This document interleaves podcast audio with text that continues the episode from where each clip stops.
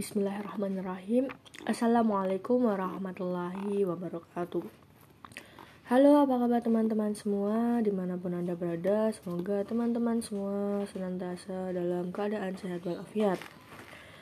Uh, Pada kesempatan ini Kita akan membahas uh, Materi uh, Melanjutkan materi yang kemarin Kita akan membahas tentang Negara hukum demokratis bahwa kemarin kita sudah membahas kaitannya dengan negara hukum dan hukum administrasi negara.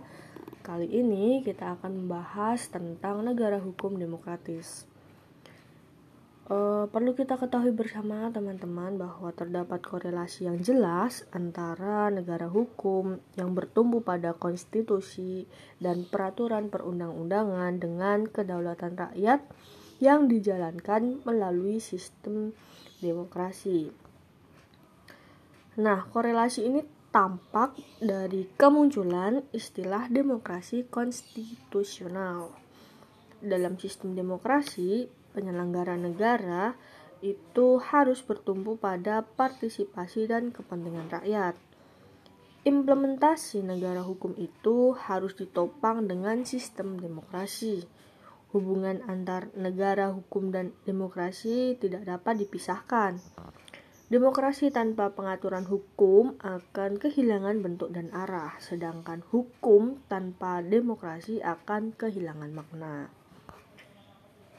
Menurut Franz Magnus Suseno, demokrasi yang bukan negara hukum bukan demokrasi dalam arti yang sesungguhnya.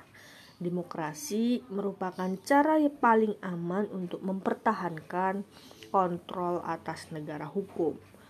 Nah, dengan demikian, eh, negara hukum yang bertopang pada sistem demokrasi dapat disebut sebagai negara hukum demokratis atau demokrasi restat.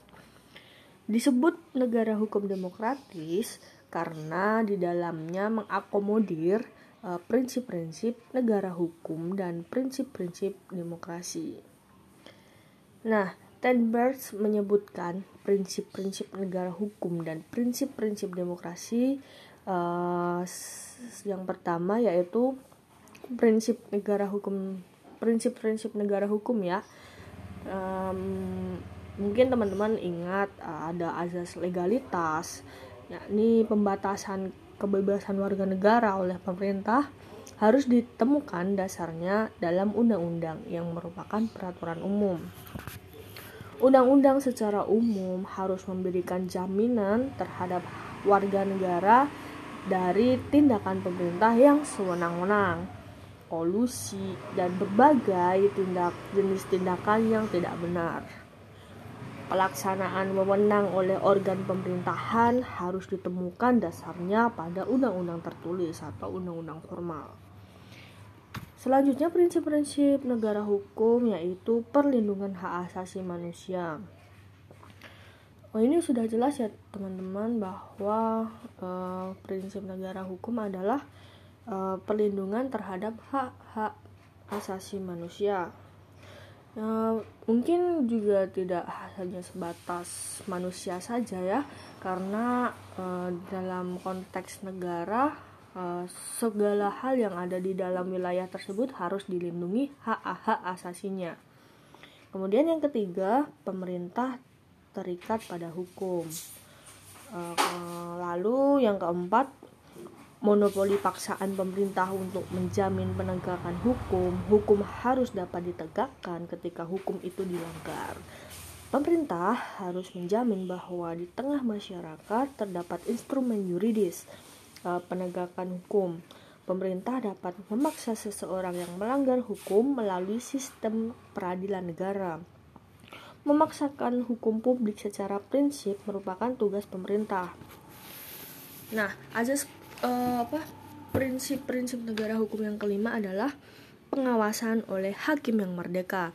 Nah, um, menurut pandangan saya bahwa hukum apa hakim yang merdeka ini adalah superioritas uh, hukum tidak dapat ditampilkan jika aturan-aturan hukum hanya dilaksanakan organ pemerintahan.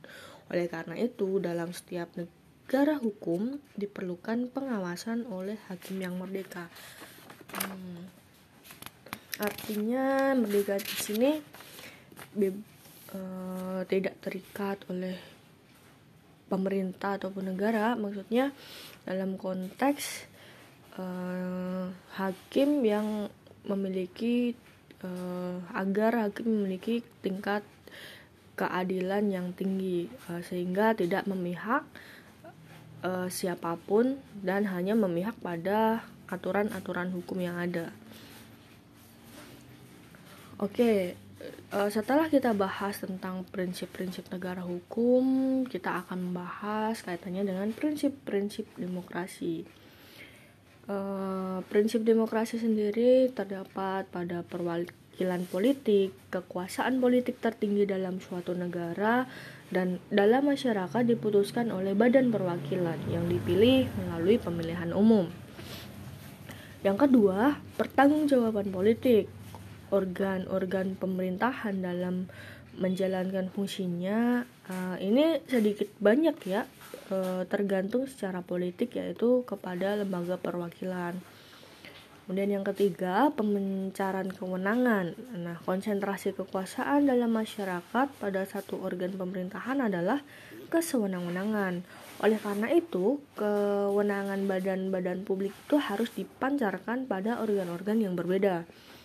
Kemudian yang keempat, pengawasan dan kontrol. E, penyelenggaraan pemerintahan harus dapat dikontrol agar meminimalisir terjadi tingkat kesewenang-wenangan oleh pemerintah terhadap warga negara. Yang kelima, ini kejujuran dan keterbukaan pemerintahan untuk umum. Uh, tidak ada yang ditutup-tutupi uh, dalam penyelenggaraan negara ini harus didasarkan atas dasar transparansi. Kemudian yang keenam, eh, rakyat diberi kemungkinan untuk mengajukan keberatan.